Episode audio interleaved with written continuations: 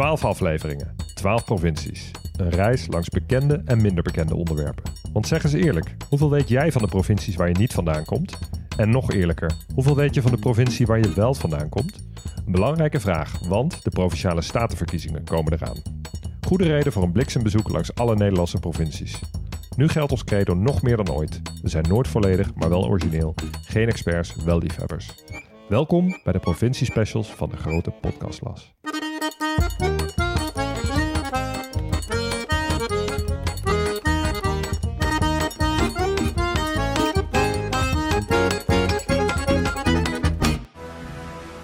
Welkom in Overijssel, een machtig mooie provincie met volle gezichten.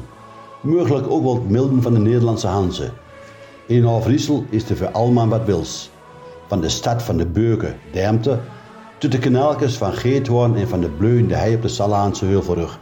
Tot de tukkers met een glaasje cola of een kolenbeugelgrols. Goed gauw. Elke keer blijf ik me verbazen over wat voor dialecten wij in Nederland eigenlijk wel niet hebben. Ja, Ja? wordt weer een heerlijke aflevering. Ik heb, er, ik heb er weer zin in. Zin Ja, in. bij deze bedankt aan alle mensen die, eh, de- nou, die deze intro's voor ons hebben Zeker, aangeleverd. voor de absoluut, provincies. Ja. En wat is jullie gevoel bij Overijssel? Eh, ook weer zo'n provincie die vooral bestaat uit hele eh, afzonderlijke streken. Ja. Ja, ja. Ik heb Beetje Noord-Holland vibes. Dus eh, je hebt Twente, je hebt Salland, je hebt, eh, nou wat heb je nog meer allemaal? Zwolle als stad eigenlijk wel, vind ja, ik wel. Deventer als stad. Ja. Ja, ik ben wel een beetje bekend met de IJsselsteden, maar bijvoorbeeld Twente is voor mij echt totaal onontgonnen gebied. Ja? Ja, ik, heb ben, wel- ja, ik ben er wel een paar keer geweest, maar echt, echt een goed beeld heb ik er eigenlijk niet bij. Ja, ik heb wel dus echt een zwak voor alle Hanse-steden. Volgens mij ga jij het daar straks over hebben, Huug. Helemaal als ik zo in je ogen kijk. dus ik zal niet te veel verklappen. Maar dat vind ik wel echt een van eh Slans mooist bewaarde steden van, eh, ja, van allemaal eigenlijk. Ja, kom Ja. ik ook graag. Ja, Hey, en dan even nog een, eh, een shout-out naar alle mensen die even op ons reageren via alle online eh, social media kanalen. Mensen zijn echt fanatiek. ja inderdaad. En ik vind het wel mooi, want wij noemen elkaar altijd, of onszelf, eh, geen experts, wel liefhebbers. We krijgen nu alleen maar reacties van mensen die zijn en expert en liefhebber. En eh, mensen zijn tot nu toe best wel lief voor ons. Ja, en wat, Ja, met, wat met meevalt, moet ik je heel eerlijk zeggen... want toen wij deze serie begonnen, dachten we... oké, we kunnen dit bijna niet goed doen, want het is een provincie. Iedereen kent alles van zijn eigen provincie... en mensen weten heel goed wat we wel vertellen... maar mensen zijn vooral heel benieuwd en worden heel boos... als we dingen niet vertellen. Maar dat valt me eigenlijk best wel mee. Mensen zijn vooral heel blij de dingen die we wel benoemd hebben. Ja. Waarvoor dus heel veel dank, want wij doen echt Ja. heel veel research hiervoor. Ja. En wat we uiteindelijk hier kunnen Ja. uitpompen in één aflevering... dan moeten we zelf heel erg trechteren. We zitten hier met knikkende knietjes op te nemen. Inderdaad. Mooi. Hey, en over bedanken gesproken. eh, we nemen ook weer even een momentje om weer een eh, heel legertje vrienden van de show te bedanken die, eh, die ons zijn gaan steunen. Eh, dus bij deze Adrie, Karin, Marjolein de Ruiter, Jeroen, Sibren, Emmeke, En Nick, Jolet, Justin Verhoeven, Jacobien Besselink, Jeffrey Borges, Lukuma Lover en Jor van der Mel. En dan hebben we ook nog Robin Landman, Stefan Ernest Koper, Mayron, Wies, Julia en Texas en Casper 98. En dan hebben we ook nog het paspoortje. Want waar ligt, jongens, waar ligt Overijssel? En weer een mooie toepasselijke naam. Want kom je vanuit het westen, dan is Overijssel best toepasselijk. IJssel. Ja, over de IJssel. Dus eh, in het westen wordt, eh, wordt de grens gevormd door de IJssel, een groot deel daarvan. Eh, in het zuiden grenzen ze aan Gelderland. En in het noordwesten, bij de kop van Overijssel, grenzen ze aan Flevoland en aan Friesland. In het noorden aan Drenthe. En alles wat ik niet genoemd heb, grenzen ze aan Duitsland. Qua oppervlakte, de hoeveelste denken jullie? Qua provincies in Ja, ik ga er Nederland? gewoon een keer een quizje van maken. Eh, ik denk de vierde. ik denk de vijfde. De vierde is goed. Ting ting. Ja, Ja. En qua oppervlakte, tussen twee eh, eh, entiteiten die we eh, niet heel lang geleden nog genoemd hebben, zitten ze ongeveer in Noord-Cyprus en Nagorno-Karabakh. Echt? ja. Oh, 1,1 miljoen inwo- inwoners ongeveer. Hoofdstad is Zwolle. Eh, grootste steden, de drie grootste steden zijn Enschede, Zwolle en Deventer. En dan hebben we er ook nog even de 4 en 5. Doe ik ook even Hengelo en Almelo. Allemaal eh, gelijkwaardige, mooie, Heel eh, bekende. heel bekende steden. Ja. Ja. Nou, grootste gemeente is de, het Steenwijkerland. Daar ligt ook Steenwijk, maar ook Giethoorn. Met de kanaaltjes en zo. Ehm, en dat is eigenlijk bijna alleen maar een nationaal park. Dus je hebt eh, dan de Weerribbenwiede. Dat is het nationaal park waar die gemeente grotendeels uit bestaat. Kleinste gemeente is Oldenzaal. Ah, Oké. Ja. Het college van gedeputeerde staten sinds 2019 is het CDA, VVD, PvdA, ChristenUnie en de SGP. En de vlag, ja, eh, qua vlag lijkt het... Het is een beetje het Gambia van de Nederlandse provincies. Zo is de nog nooit genoemd. Nee. Maar ik snap heel goed wat je bedoelt. Nou, daar komt hij. het zijn horizontale banen. Dus het begint rood, geel. Dan heb je een golvende blauwe baan. Dat is ook meteen de vergelijking met Gambia. Ja. Kan dat misschien iets te maken hebben met de IJssel? Maybe. Dan weer geel en dan weer rood. Ja, het is eigenlijk gewoon een Spaanse vlag met daar middenin een rivier.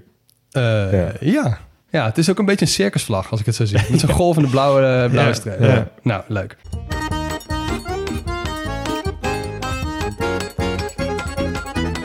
Oké, we moeten het even hebben over de taal.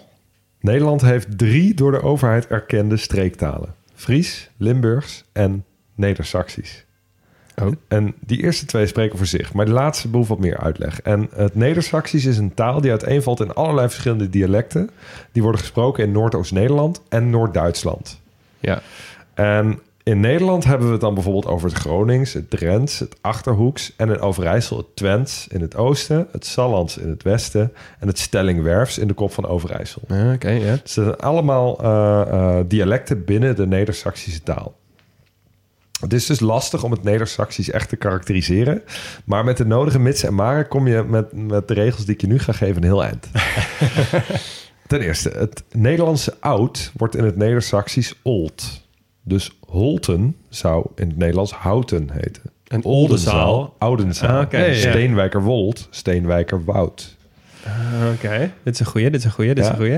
De ei is meestal een i. En als een woord eindigt op een n van Nico, dan worden de voorgaande letters ingeslikt. Dus kijker wordt kieken. Ah, oké, ja. Ja, dus een ei wordt een i en kiek- kieken. Ja. Ehm, en de derde regel die ik je ga geven. Als de letters Z, G en V, dus een beetje de, de wat zachtere categorie medeklinkers, Ja. midden in een woord staan tussen twee klinkers, dan vallen ze meestal weg. Dus Deventer wordt Deemter. Ja, ja. Oké. Ah, Oké, maar dat geldt voor enkele klank, enkele medeklinkers, niet dubbele. Dus bijvoorbeeld zeggen blijft wel zeggen. dat wordt niet zen of zo. Ja, ja, ja. Ja, misschien wel met de meest diehard, hardcore eh, dialectsprekers, maar zen, dimter. precies. Ah. Oké, ja, leuk. Oké, Ja. wist ik niet, wist ik niet. Alright, dan eventjes eh, even de geschiedenis in. En Overijssel is de provincie bij uitstek om eens iets langer stil te staan bij de Hanze. We hebben hem eh, al bij een aantal landen voorbij eh, zien komen. Ehm, want de, de belangrijkste Nederlandse Hanzesteden die concentreren zich langs de IJssel. En dat komt omdat de IJssel in de middeleeuwen de best bevaarbare rivier van Nederland was. Dat is nu wel anders, want de IJssel ligt natuurlijk achter het IJsselmeer, achter de afsluitdijk, kom je helemaal niet meer bij. Maar toen kon je vanaf de No- Noordzee eh, de, de Zuiderzee op en heel makkelijk via de IJssel naar Kampen, naar Zwolle, naar Deventer, maar ook naar Gelderse plaatsen zoals Hattem, Zutphen, Doesburg en uiteindelijk via de Rijn en de Waal zelfs naar Tiel. Zou dat ook de reden zijn, eh, sorry dat ik je onderbreek, maar zou dat ook de reden zijn dat het IJsselmeer het IJsselmeer heet? Ja, ja dat, weet ik wel zeker. Ja, Ja. daar heb ik eigenlijk nog geen seconde bij meer waar de. IJssel in uitkomt. Ja. Ehm, de benedenloop van de Rijn was toen veel minder goed bevaarbaar. Eh, rivieren waren nog niet bedijkt. En Holland, dat was echt één groot moeras met allerlei ondiepe vertakkingen. Dus dat, dat was helemaal niet handig handel voeren. Ehm, nou, die Hanze, dat was een soort vrijhandelsverbond van steden rond de Noordzee en de Oostzee. En die handel die bezorgde die steden echt enorme groei en welvaart. Eh, bijvoorbeeld Hamburg, Lübeck, Danzig, Riga. Eh, eh, dat werden echt grootmachten. En ook Kampen, Zwolle en Deventer gingen de zaken echt heel goed. Eh, het economisch zwaartepunt van Nederland lag toen dus echt hier. Ja. Amsterdam was nog nauwelijks sprake van. Ja, Het was echt nog een dorpje. Ja. Ehm, de houten gebouwen maakten plaats voor stenen gebouwen. En in Nederland zijn ze ook best wel goed bewaard gebleven. Omdat in tegenstelling tot bijvoorbeeld de Duitse Hansesteden... de Nederlandse steden niet of nauwelijks zijn gebombardeerd in de Tweede Wereldoorlog. Dus eh, in Nederland vind je eh, enkele van de best bewaarde Hansesteden. Ja, en het zijn er ook best wel veel, hè? ja. Als Ja. je af en toe een lijstje ziet van welke steden er in Nederland allemaal behoren tot de Ja. Hanse-steden, dat gaat ver. Veel Ja. verder dan alleen Zwolle en Deventer. Ja, klopt. Ja, ja. en Kampen het zijn heel veel steden die, eh, die tegenwoordig eigenlijk veel minder beduidend zijn dan toen. Ehm, want uiteindelijk is die Hanze langzaam in verval geraakt. Eh, de Zweden veroverden de Baltische Staten. De Zweden die, die hoorden niet bij de Hanze. Eh, dus, dus de handel aan die kant van de Oostzee die viel stil. En in eh, Nederland slipte de IJssel dicht. Waardoor je steeds lastiger die rivier op kon varen.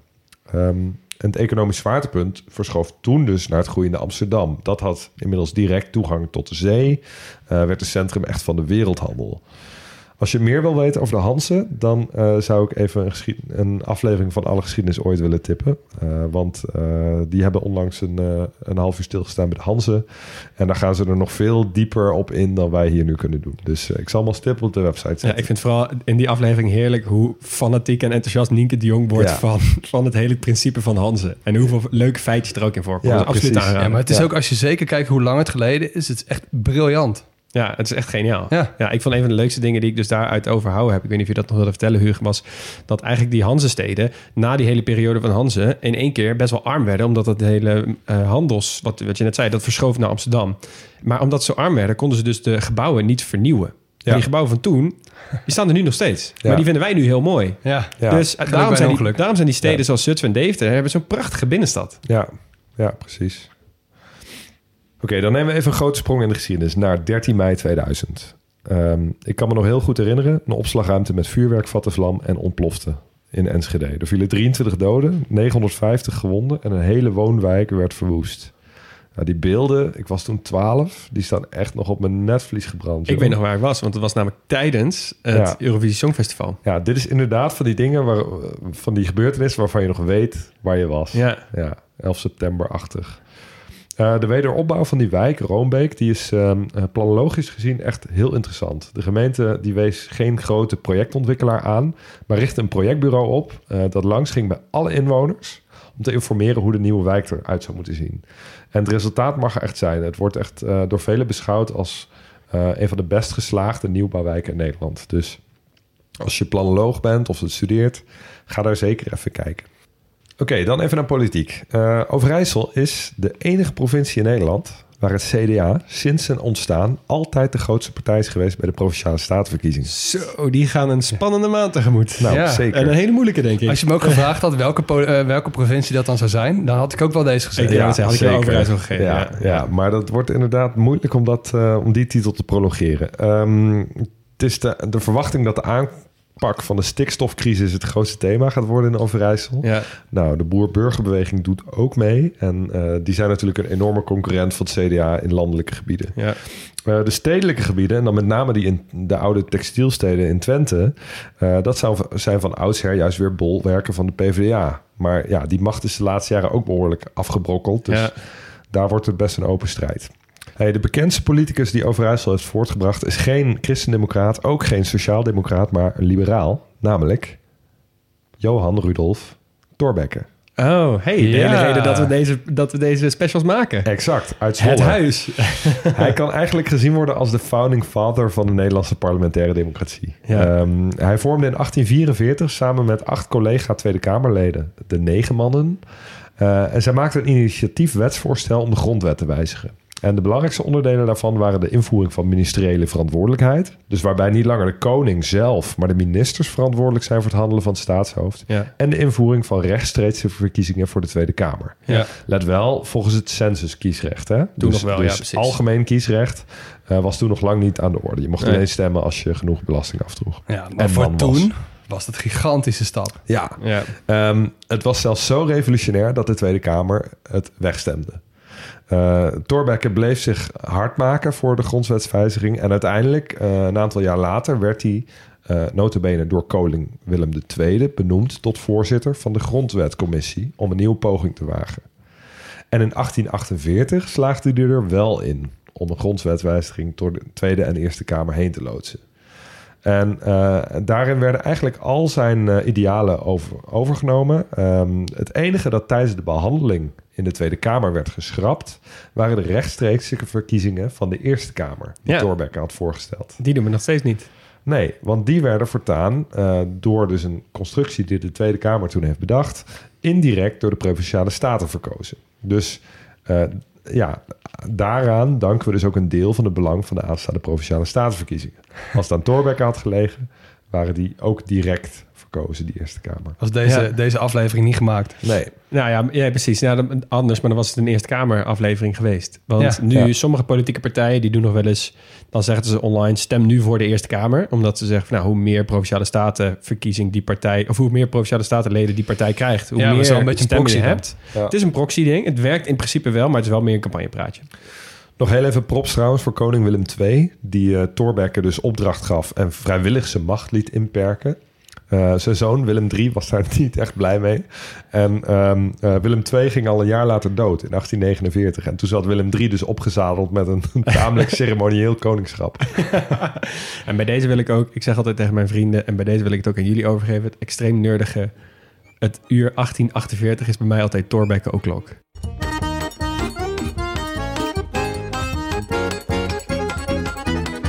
Zo, Huug, ik was even bang dat jij al het gras voor mijn voeten van het fysische geografie hoofdstukje van Overijssel voor me zou wegmaaien. Niet gedaan, toch? Gelukkig niet gedaan. Ehm, ik begin even in de natuur.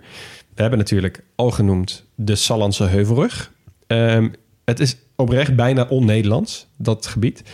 Eh, het, het eh, golvende heidevelden, uitgestrekte bossen, heel veel vennetjes. Ja, je kan het je wel een beetje inbeelden. Ik denk dat veel mensen het ook wel kennen. Het is een fantastisch fietsgebied. Ik ga er zelf binnenkort ook weer een keer heen om even daar een rondje te fietsen. Eh, en je hebt een heel mooi uitzichtpunt vanaf de grote Koningsbelt, zoals dat heet. Aanraad het jou al meteen. Eh, over het hele Salland. Daar moet je echt even heen en dan kan je het helemaal overzien. Is prachtig. Dan de Weeribbenwieden. Echt de meest sexy naam voor een eh, natuurgebied van Nederland ongeveer. Eh, dat is het grootste laag veen-moerasgebied van Noordwest-Europa. ja, je moet wat. je moet wat. Daar moet je, moet je wel liefhebber voor zijn. Ja, daar moet je zeker wel liefhebber voor zijn. Nou goed, het is eigenlijk gewoon een, een gebied wat heel erg gecreëerd is door de mens. Want eh, de mensen hebben zitten turf steken en riet snijden. En daardoor krijg je een landschap vol eh, meertjes en vaartjes en nou, eh, moerasbossen en dat soort dingetjes. Eh, maar daardoor kan je er dus ook heel goed varen met fluisterbootjes en dat soort dingen. Ze noemen het zelf, hier moet ik wel een beetje om lachen, om de toeristische website, kleurrijk als een jungle zonder de ongemakken van een jungle. Ja, Oh, echt aan het zoeken, ja. hoor. Maar even, het is wel echt heel mooi. Het is heel mooi. ook Ja, veel heel mooi. Ik maak de slogan belachelijk, niet het gebied. Nee, nee, nee, nee. nee. Volgens mij als je toch een kanootje hebt, ga dan lekker die plassen op. En ja, je, mensen gaan ook naar Giethoorn dan, hè? Ja, precies. Nou, wacht maar. Daar kom ik straks op. Ah, ik heb ook nog een stukje toerisme. maar voordat we daarheen gaan, wil ik nog eventjes terugkomen op de IJssel. Hugo, je had het er net al over. Eén feitje wat jij niet hebt genoemd over de IJssel, wat ik bij deze wil noemen, is dat het de langste rivier die uitsluitend over Nederlands grondgebied stroomt is. Oh ja. 127 kilometer. En hier komt iets heel raars, want ik dacht altijd dat is de Lingen. Maar er is dus ergens in de afgelopen 20 jaar heeft de Lingen zichzelf weten te framen als de langste rivier van Nederland. En heel veel eh, nieuwsberichten en eh, allemaal verschillende bronnen hebben dat overgenomen. Maar het is feitelijk onwaar. Het is de IJssel. En ik weet niet precies waar het vandaan komt. Dus mensen bij deze, de IJssel is de langste rivier van Nederland, niet de Lingen. Goed, eh, aan de IJssel eh, heb je de IJssellinie. Dat is ook misschien wel een leuk stukje geschiedenis. Eh, ik moest hier heel hard om lachen. Dat was namelijk een uiterst geheime, een geheime tussen twee aanhalingstekens waterlinie uit de Koude Oorlog. Aangelegd begin jaren 50 op verzoek van de NAVO. En die linie moest ons beschermen tegen de mogelijke invasie van de Sovjets. Eh, met het in werking zetten van dit plan zou een 127 kilometer lange en 5 tot 10 kilometer brede strook land tussen Nijmegen en Kampen onder water worden gezet. Laat het even op je inwerken. De jaren 50. Ja, man. Ik wist het helemaal niet. Moet je dus nagaan, dat er waren dus gewoon plannen, ik heb het even uitgezocht, er waren dus plannen voor evacuatie van 400.000 bewoners van die IJsselvallei, eh, die het zelf niet wisten dat dit zou kunnen gebeuren. Dat zijn dus mensen die wonen in Deventer, Zutphen, Zwolle, Kampen, eh, steden die dus dan helemaal of deels onder water zouden komen te staan. Holy moly. Moet je dus Hollandse- nagaan. Hollandse waterlinie. Hollandse waterlinie. Ja, Hollandse waterlinie, maar dan helemaal met twee dikke middelvingers van het Nederlands bestuur naar eh, Overijssel. Zo van, yo, eh, jullie worden opgeofferd. Ja, dat is natuurlijk ook zo. Dat Ja. is toch bizar eigenlijk, als je erover nadenkt. Dat je dat gewoon niet weet. En dat mochten die Sovjets met die tanks door Oost-Duitsland richting het westen komen... dat je stad gewoon onder water wordt gezet. En dat je moet geven... ik weet- Nou goed, ik, ik was een beetje flabbergasted, moet ik eerlijk. Het grappige is dat er ehm, op Radio Moskou... werd er in het Russisch al lang openlijk gesproken over dit plan. Dus de Sovjets wisten al lang van het bestaan. Dus zo geheim was het nou ook weer niet. Behalve de mensen die het Die daadwerkelijk wisten. betrof. Ja. Het, eh, in het landschap vind je dus links en rechts dus ook nog wat kazematten van die bunkertjes. Eh, echte, daadwerkelijke grote bunkers. En dus ook hier en daar een ingegraven Sherman tank. Best wel vet. Ehm, dan moeten we het even hebben over de economie. En dan kan ik het over één ding hebben wat daar vroeger heel groot was. En misschien nog steeds wel heel bekend staat. En dan heb ik het over Textielindustrie. textielindustrie. De oude economische motor van de regio. Eh, een heel klein geschiedenislesje. Eh, de hoofdstad van de textielindustrie back in the day was eigenlijk Vlaanderen. Gent en Antwerpen waren grote spelers op de textielmarkt. En die textiel die ging allemaal eh, richting, eh, richting het oosten. Dus richting eh, toen Nederlands-Indië. Nou, alles wat daaromheen allemaal als koloniale landen lag, daar ging het allemaal heen. Maar Ja. goed, in 18, eh, nou, op 1830 eh, werd België onafhankelijk, afgescheiden van Nederland. En toen moest koning Willem I op zoek naar een alternatief. Want ja, hij wilde natuurlijk nog wel die machten in het oosten voorzien van textiel. Ja. Hij gaf die opdracht aan de net opgerichte Nederlandse Handelsmaatschappij. Eh, die was opgericht om de wereldhandel te bevorderen. Eh, en die ging uiteindelijk op in de Algemene Bank Nederland. De ABN in ABN AMRO. Hey, Oh, oké. Twente werd vervolgens gekozen door die Nederlandse handelsmaatschappij. Vanwege dat ze daar lage lonen hadden. Er was heel veel arbeid. Mensen die werkten over het algemeen nog op het land. Het lag strategisch. Ehm, en de bekendheid van de bevolking met het spinnen en het weven. Ze waren dus als wisten al het een en ander. Alleen Maar waarom lag het zo strategisch? ja, vanwege dat ze alles met de IJssel konden afvoeren richting het westen. Eh, Oh, er zo. was nog heel veel land wat ze niet konden, eh, wat ze nog konden eh, volstoppen eigenlijk met fabrieken en dat en soort kanalen dingen. om en bij IJssel te komen. Ja, precies. Dus er, er was nog heel veel land wat nog niet gebruikt werd om eh, spullen te vervoeren. Wat in West-Nederland natuurlijk wel anders was toen. Nou goed, eh, om die Twentse boerenbevolking, wat het toen namelijk voornamelijk was, te leren hoe je met, hoe je met eh, nieuwe dingen om moest gaan. Want toen was echt de industriële revolutie in volle vaart. Allemaal nieuwe dingen werden uitgevonden. En een van die dingen was de nieuwe snelspoel. Nou, dat is een, een middel om heel snel heel veel textiel te maken. Eh, de uitvinder daarvan, die heet Thomas Ainsworth. En hij is in 1833 de eerste weefschool in Goor begonnen. En dat was echt de start van de hele regio. Bam. Daarna kwam echt de ene na de andere fabrikant. Fabriek knalde uit de grond. En met geld van de overheid werden in vele plaatsen in Twente... werden allerlei weefscholen opgericht. En toen werd Twente echt een weefkanon eigenlijk in de wereld. Eh, namen als Ten Kate, Van Heek en Gelderman eh, waren grote namen in de geschiedenis van, eh, van het textiel. In die hele regio werden fabrieken, huizen, parken, treinsporen, alles werd ingericht zodat je dus heel goed die textiel kon maken en kon verspreiden over de rest van de wereld. En tot de dag van vandaag kun je hun voetafdruk heel goed zien in de regio, zoals bijvoorbeeld het Van Heek Park, hè, het Volkspark in Enschede en zelfs het Rijksmuseum Twente. Dat is mede opgericht met geld van die families. Maar, en dit is de kanttekening, de andere kant van het verhaal... die arbeiders werden nog wel eens uitgebuit... omdat de boeren niet per se gewend waren... hun arbeidsuren in geld om te rekenen. Want ja, ze deden het nou eenmaal altijd al. En dan kom ik op iets wat ook heel Nederlands is... waar mensen niet heel per se weten. Staken. oh ja. In 1888 werd er voor het eerst gestaakt in de regio. eh, maar toen hebben de fabrieksbazen, dus eigenlijk de tegenstanders van de werknemers, hebben toen de fabrieksvereniging ter voorkoming en bestrijding van stakingen op. Toen hadden dit soort verenigingen nog namen waar je iets mee kon, zeg maar. Eh, en eh, om een staking te laten stoppen, gebruikten ze het middel uitsluiting. Eh, en dat wordt eigenlijk ook wel het Twentse stelsel genoemd. Dat hield in dat als er in één fabriek gestaakt werd, alle andere fabrieken door de bazen ook werden stilgelegd. Dus als jij niet wilde werken, bam, kreeg niemand geld. En op die manier probeerden ze dus de arbeiders eigenlijk te strongarmen. Om gewoon te laten zien, joh, wij zijn jullie uiteindelijk toch de baas. Dus jij mag best staken met je fabriek. Maar weet dan wel dat al je broeders en zusters, of vooral broeders toen, Ja. in alle andere fabrieken ook geen geld Dus krijgen. het loont niet zolang je het niet met z'n allen doet. Nou, dat, dat massaal staken kwam veel later pas op. Want toen was het steeds per fabriek onafhankelijk. Ja. En dat, dat model heet dus nog steeds het Twentse stelsel. Ja. Nou goed, Hmm. eh, na de Tweede Wereldoorlog nam de export flink af. Want Indonesië werd onafhankelijk, de lonen werden net te hoog. En overal links en rechts in de rest van de wereld kwamen goedkopere arbeidsfabrieken op.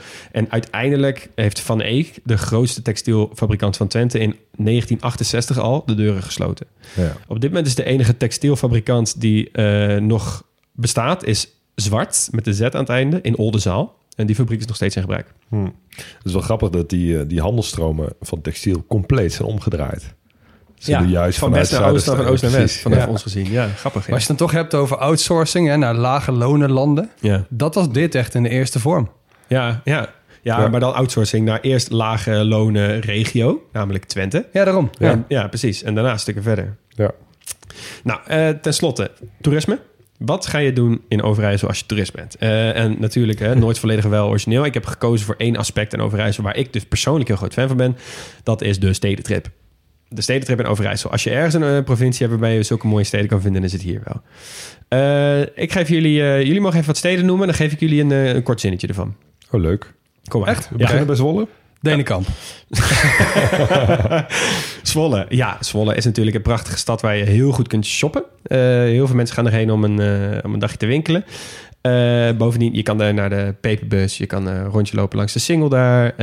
Je, kan zeker naar Museum de Fundatie. Dat is een absolute aanrader. Ehm, eh, je kan waarschijnlijk ergens nog wat lekkers eten. Kijk even naar Max, maar die gaat daar misschien straks nog op terugkomen.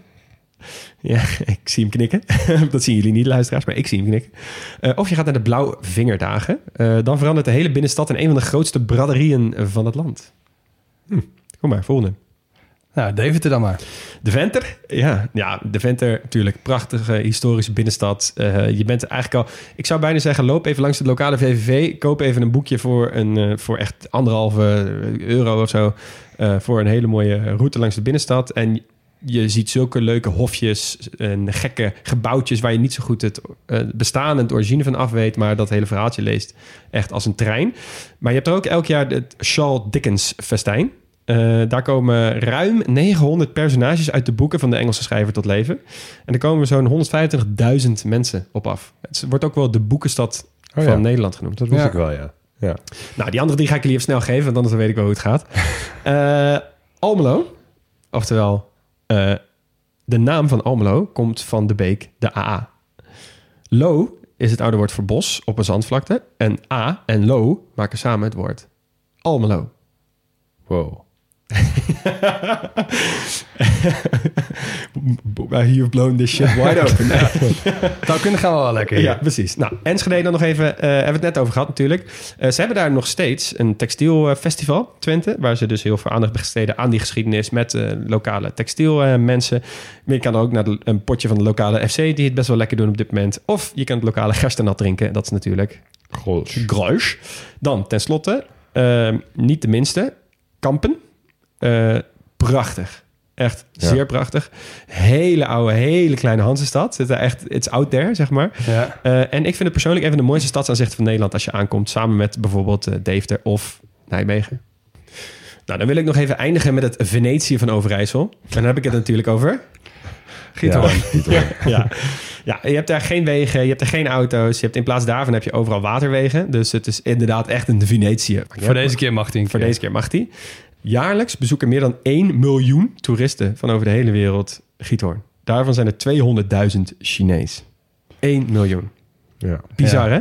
Ongelooflijk. Ongelooflijk. En het leukste feitje vind ik persoonlijk. In 2015 bracht Monopoly een internationaal bord uit met twee plekjes voor een eigen inzending. Dus iedereen mocht iets inzenden en zij gingen zelf kiezen wat dan eh, die twee, eerste twee plekjes waren. Dus die bruine vakjes, weet je wel. ja. Eh, Maar de- Brink en ons dorp. Precies, ja. Ja. Nou, die eerste was voor Madrid. Oké, prima. Grote wereldstad, hoofdstad van Spanje, kan wel. En die tweede is voor Giethoorn. Echt? Oh, En dit is dus gekomen, komt die campagneleider Lennart de Boer zei daarover tegen de NOS: je mocht onbeperkt stemmen online. Dus ze hebben het met massaal, non-stop, echt alleen maar dingen zitten refreshen. En elke inwoner van Giethoorn heeft zo'n 10 tot 50 keer per dag gestemd. Hij zegt dat ging heel makkelijk, gewoon knippen en plakken met het woordje Giethoorn. Only in. Giethoorn. Ja. Zieke vindingrijkheid. En Mooi. overigens, eh, ja, wel echt een zieke, super slimme branding. Want het grootste deel van dorp Giethoorn kun je gewoon lekker met de auto rijden. Niks aan de hand.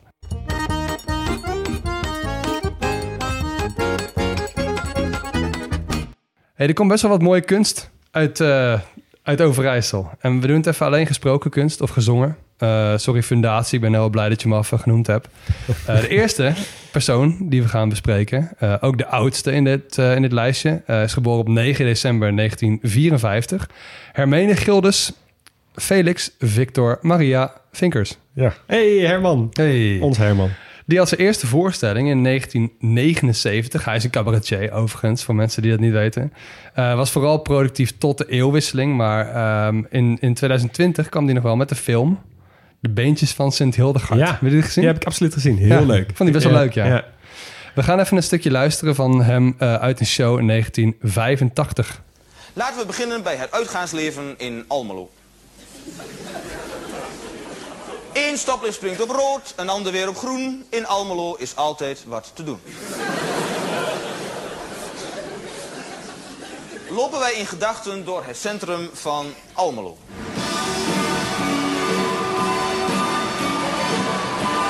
Erik, Erik, Almelo. Ja, Erik komt uit Glanenbrug en dan lijkt Almelo al heel wat, moet ik zeggen. Maar eh, Ja, ik ga altijd zo lekker op Herman Vinkers. Ja. Ik vind Ja, ik hem, wat hij doet met de Nederlandse taal en hoe hij zeg maar dingen met elkaar verbindt en woorden gebruikt zoals je niet verwacht en steeds super droog uit de hoek komt terwijl je iets anders verwacht. Ja, ik Ja, hou daar Het is die enorm van. droogheid waar ik ook... Ja, Absoluut. Goede woordkunstenaar. groot fan. Nou, hij komt uit Almelo, natuurlijk. En nu we het toch over Almelo hebben, het is ook de geboorteplaats van Ilse Anouska de Lange. We gaan even luisteren naar eh, haar hitje The Great Escape.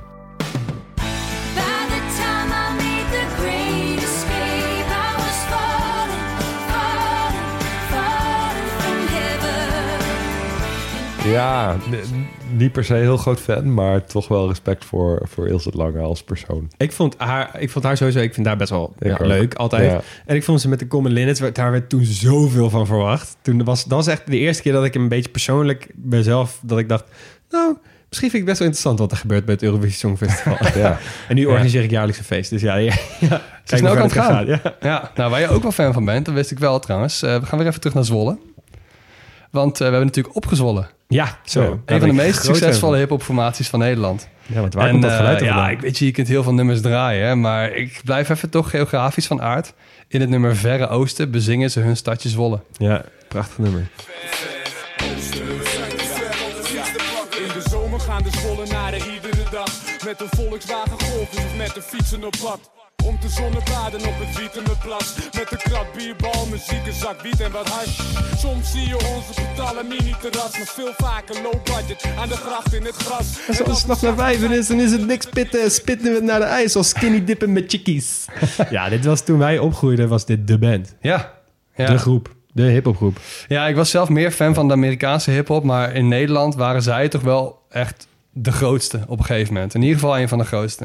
Nou, het, eh, eh, het album waar eh, Hoe de Plank ook op stond, was Eigen Wereld, is zo ongelooflijk fantastisch geweest. En echt een soort aardverschuiving in de Nederlandse hip-hop scene. Vond Ja. ik toen wel echt fantastisch. Nou, dat was Zwolle. En voor de keuken gaan we weer even terug naar, naar Deventer. Dat is wel leuk aan Overijssel. Je kunt de hele lekker blijven Ik voel springen. hem aankomen. Ja, wat dan? Ja, de Deventer Koek.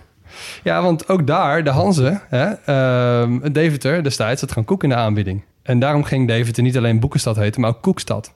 Eigenlijk kun je het beste vergelijken met een soort ontbijtkoek. Even grote lijnen trekken hier.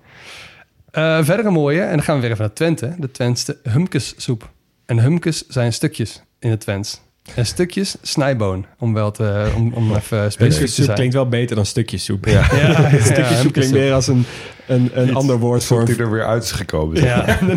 nou doe ik natuurlijk graag eh, quizjes met jullie over ingrediëntenlijstjes en zo. Maar eh, hier ga ik even een klein receptje. eh trek een rundebouillon, voeg snijbonen, aardappel en selderij toe en wat zout. Laat het lekker koken. Doe er witte bonen bij en bladselderij en peterselie. Tegenwoordig mag er ook wel wat maggi en wat uh, Worcestersaus in. En dat is je soep. Oké, oké, oké. Worcester sauce. En toch dacht ik wel, ja, dat is ook wel waarom uh, ik blij ben dat we in Nederland ook wel in een moderne tijd zijn aanbeland. Waarin uh, keukens van de hele wereld uh, zijn weg vinden naar Nederland. Waarin we gewoon wat leuks kunnen pikken uit alle exotische streken die de wereld heeft. En uh, daarom is het ook maar goed dat ze in de moderne tijd hun culinaire best wel gedaan hebben in Overijssel. Ik en denk daarvoor... dat ik weet waar je heen gaat. Wat, ik denk dat ik weet waar je heen gaat. Ja, Spinhuisplein 1 in Zwolle. Libreien. Ja, zeker. In een spinhuis. Een spinhuis? Ja, dat is een dwangwerkplaats van een vrouwengevangenis. Daar kunnen ze dus spinnen. Oké, okay. ja. wist ik niet. En uh, de Libreien is natuurlijk al jaren het beste restaurant van Nederland. Een van de twee restaurants met drie sterren. Ja. ja. Welke is die andere, weet je dat? Ja, in uh, Zeeland. Oudsluis? Nee, gesloten al heel ja. lang geleden. Ja. Volgens mij is dat Interscaldes in Zeeland. Correct. Waar we ja. binnenkort heen gaan. Zeker. Ja. Nou, we vinden in ieder geval bij de Libreien vinden we Jonny en Therese Boer, de eigenaren. Therese is de maître sommelier en gastvrouw uit Kampen. En Jonny is de chef-kok uit Giethoorn. Ik vind Johnny Chef-kok wel beter klinken dan Johnny Chef-kok. ja. Zijn ouders hadden een restaurant en zijn opa was zoetwatervisser. Nog steeds kenmerkte Libreien zich wel door, de, het gebruik van streekgerechten en lokale lekkernijen. Ik zag een interview met hem, met Johnny, um, op culi.nl. Zo'n zo culinaire website. En daar vroegen ze hem van, wat vind je van de trend van vegan en duurzaam koken? En hij zei, het is slecht dat het een trend is. Duurzaam zou een tre geen trend moeten zijn, maar logisch. Nou, ja. man naar mijn hart. Mooi, mooie tekst. Ja. En nog een vraag. Wat zou je maken als je thuis kookt voor gasten of je gezin? Dat vond ik wel een hele mooie. De Nederlandse tapastafel. Hij kwam thuis uit Bilbao had pinchos gegeten en hij dacht van waarom kunnen wij dat niet? Ja, Nou, hij heeft die Nederlandse tapas tafel gemaakt. Ben heel benieuwd. En dan nog even drinken. Want Leon, eh, je had het net natuurlijk ook al over Grols. Ja, Weinig biermerken in Nederland zijn zo met een streek verbonden als Grols. En ze zijn tegelijkertijd zo groot. ja. Dus dat is toch wel knap van ze. En wat nog knapper is, is dat ze best wel bekend staan om één specifieke fles. Waar heb Ja, het dan over? De beugel. De beugel. Ja, die halve liter De beugel. bioscoopfles. Die is Ja. Lekker feitje. Eh, ze zijn ook ooit een limonademerk geweest. Gros? Ja, Oh, vanaf de jaren 20. Heette Grolie.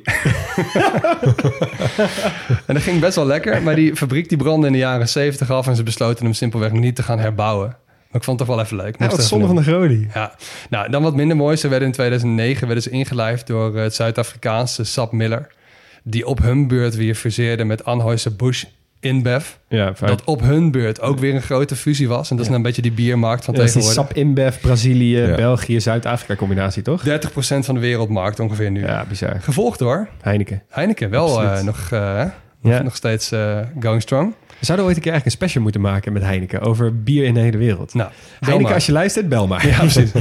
nou, qua gebouwen, wel het bekendste vlaggenschip van Grols is natuurlijk de Grols Vesten en het stadion van FC Twente. Ja. En daar gaan we het natuurlijk nu even over hebben. Veel van de Twentse voetballers beginnen of eindigen carrière ehm, wel bij de trots van het oosten, FC Twente. Quizje. Meeste goals? Ooit. Blaise en. Koufo. Ik wilde hem net zeggen. Ja. Goed zo. Meeste wedstrijden? Eh, Sander Bosker. Zeker weten. Sander Bosker? Nice, Ja. oké. Keurig. Daar kwam je ook snel op. Jullie zijn heel goed. Nou, toch, hè, eh, Twente kennen we wel echt als een ultieme stabiele volksclub. Maar in het jaar 2009 en 2010 kwam daar in de nasleep daarvan wel een beetje een deuk in dat, eh, in dat imago. Voorafgaand daaraan waren het de jaren van grote ambitie bij Twente. En onder aanvoering van Joop Munsterman wilde Twente aansluiting zoeken bij de top van de Eredivisie. Nou, we weten allemaal hoe dat gegaan is.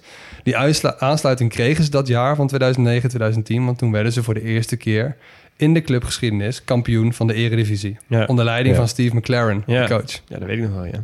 Sterspelers waren Brian Ruiz, Theo Jansen en eh clubicoon Wout Brama en natuurlijk Blaise, Ja. Blaise Koufo. Maar meteen daarna eigenlijk was het al een beetje uit met de pret. Allereerst stortte in 2011 het dak van de Grolsvesten in tijdens een verbouwing die vooral te maken heeft met die ambitie waar we het nu over hebben.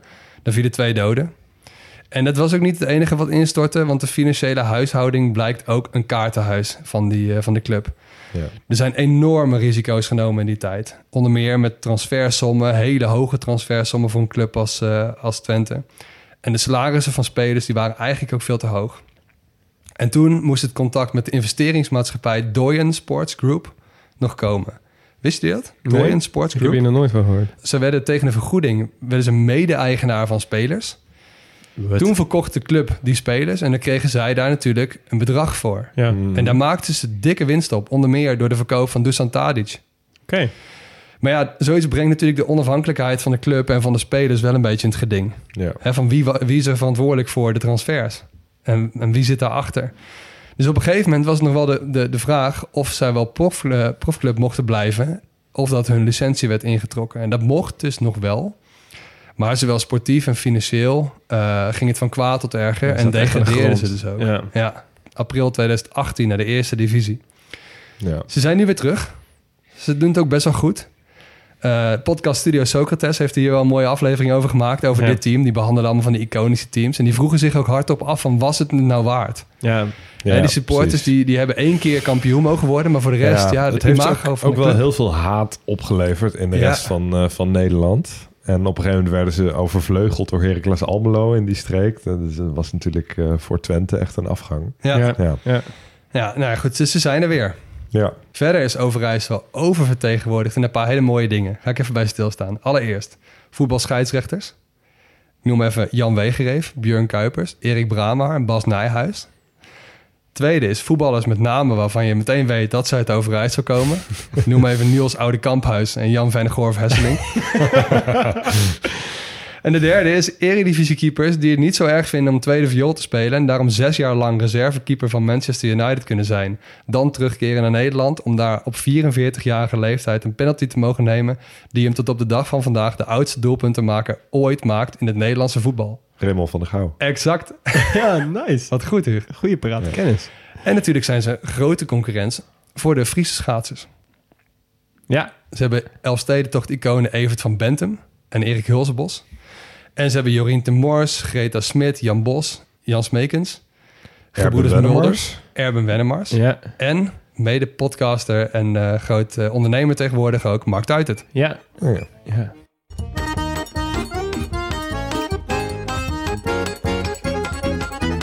Oké, heren.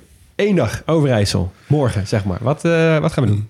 Nou, ik ga. eh, ik zei al van dat ik een heel deel van Overijssel nog niet zo ontgonnen heb. En dat ga ik ontginnen. Dus ik ga eh, ten oosten van de IJssel eh, aan de slag. Ik ga lekker fietsen. van Salland naar Twente. Ja. Ja. Kijken wat daar allemaal is. Kijk wat ze allemaal hebben daar. Ja, ja ik, ga- ik doe met je mee, maar dan ook op de fiets. Ik, ga, ik wil eh, een hele stuk van die IJssellinie wel eens zien. Want ik heb nog nooit zo'n ingegraven Sherman tank gezien. En ik vind het eigenlijk best... Ik was vroeger een gigantisch Tweede Wereldoorlog fan. Fan is een heel raar woord over de Tweede Wereldoorlog. Ik was gefascineerd door de Tweede Ja. Wereldoorlog. En zo'n ingegraven tank vind ik nog wel iets bijzonders om even Ja. op te zoeken. Ja. Dus ik pak de racefiets en dan ga ik gewoon richting, eh richting en Echt Zwolle. Een mooi Tof. deeltje geschiedenis als dat. Ik ga naar de Sallandse Heuvelrug, denk ik, jongens. Want ik heb eh, helemaal aan de eerste keer eh, in onze provincie specials gezegd... dat ik denk ik Drenthe de mooiste provincie van Nederland vind. Dat komt misschien ook voor een deel wel een beetje... omdat ik niet zo heel veel in de Overijsselse natuur ben geweest. En volgens mij is het in Salland hartstikke mooi. Zeker, maar je kan het heel goed combineren, hè? Nou, dus misschien moet je dat maar doen. Gaat er niemand naar eh eh, Ponypark Slagharen? of naar, of naar Hellendoorn misschien. Heel erg bedankt voor het luisteren, jongens, naar dit hoofdstuk van de kleine podcastlas. Vanuit de Huiskamerstudio in Utrecht hoorde je weer Lil Moelens, Max Gerritsen en Hugo Noordman. En Jonas van Impe, die doet de eindmontage. Nooit volledig, wel origineel, geen experts en wel liefhebbers. Laat het even weten via de socials als we iets verkeerd hebben gezegd of iets cruciaals zijn vergeten. En kijk zeker op de website grotepodcastlas.nl. Aanstaande maandag reizen we weer door op onze reis langs alle provincies. En dan gaan we naar Zeeland. Ajus.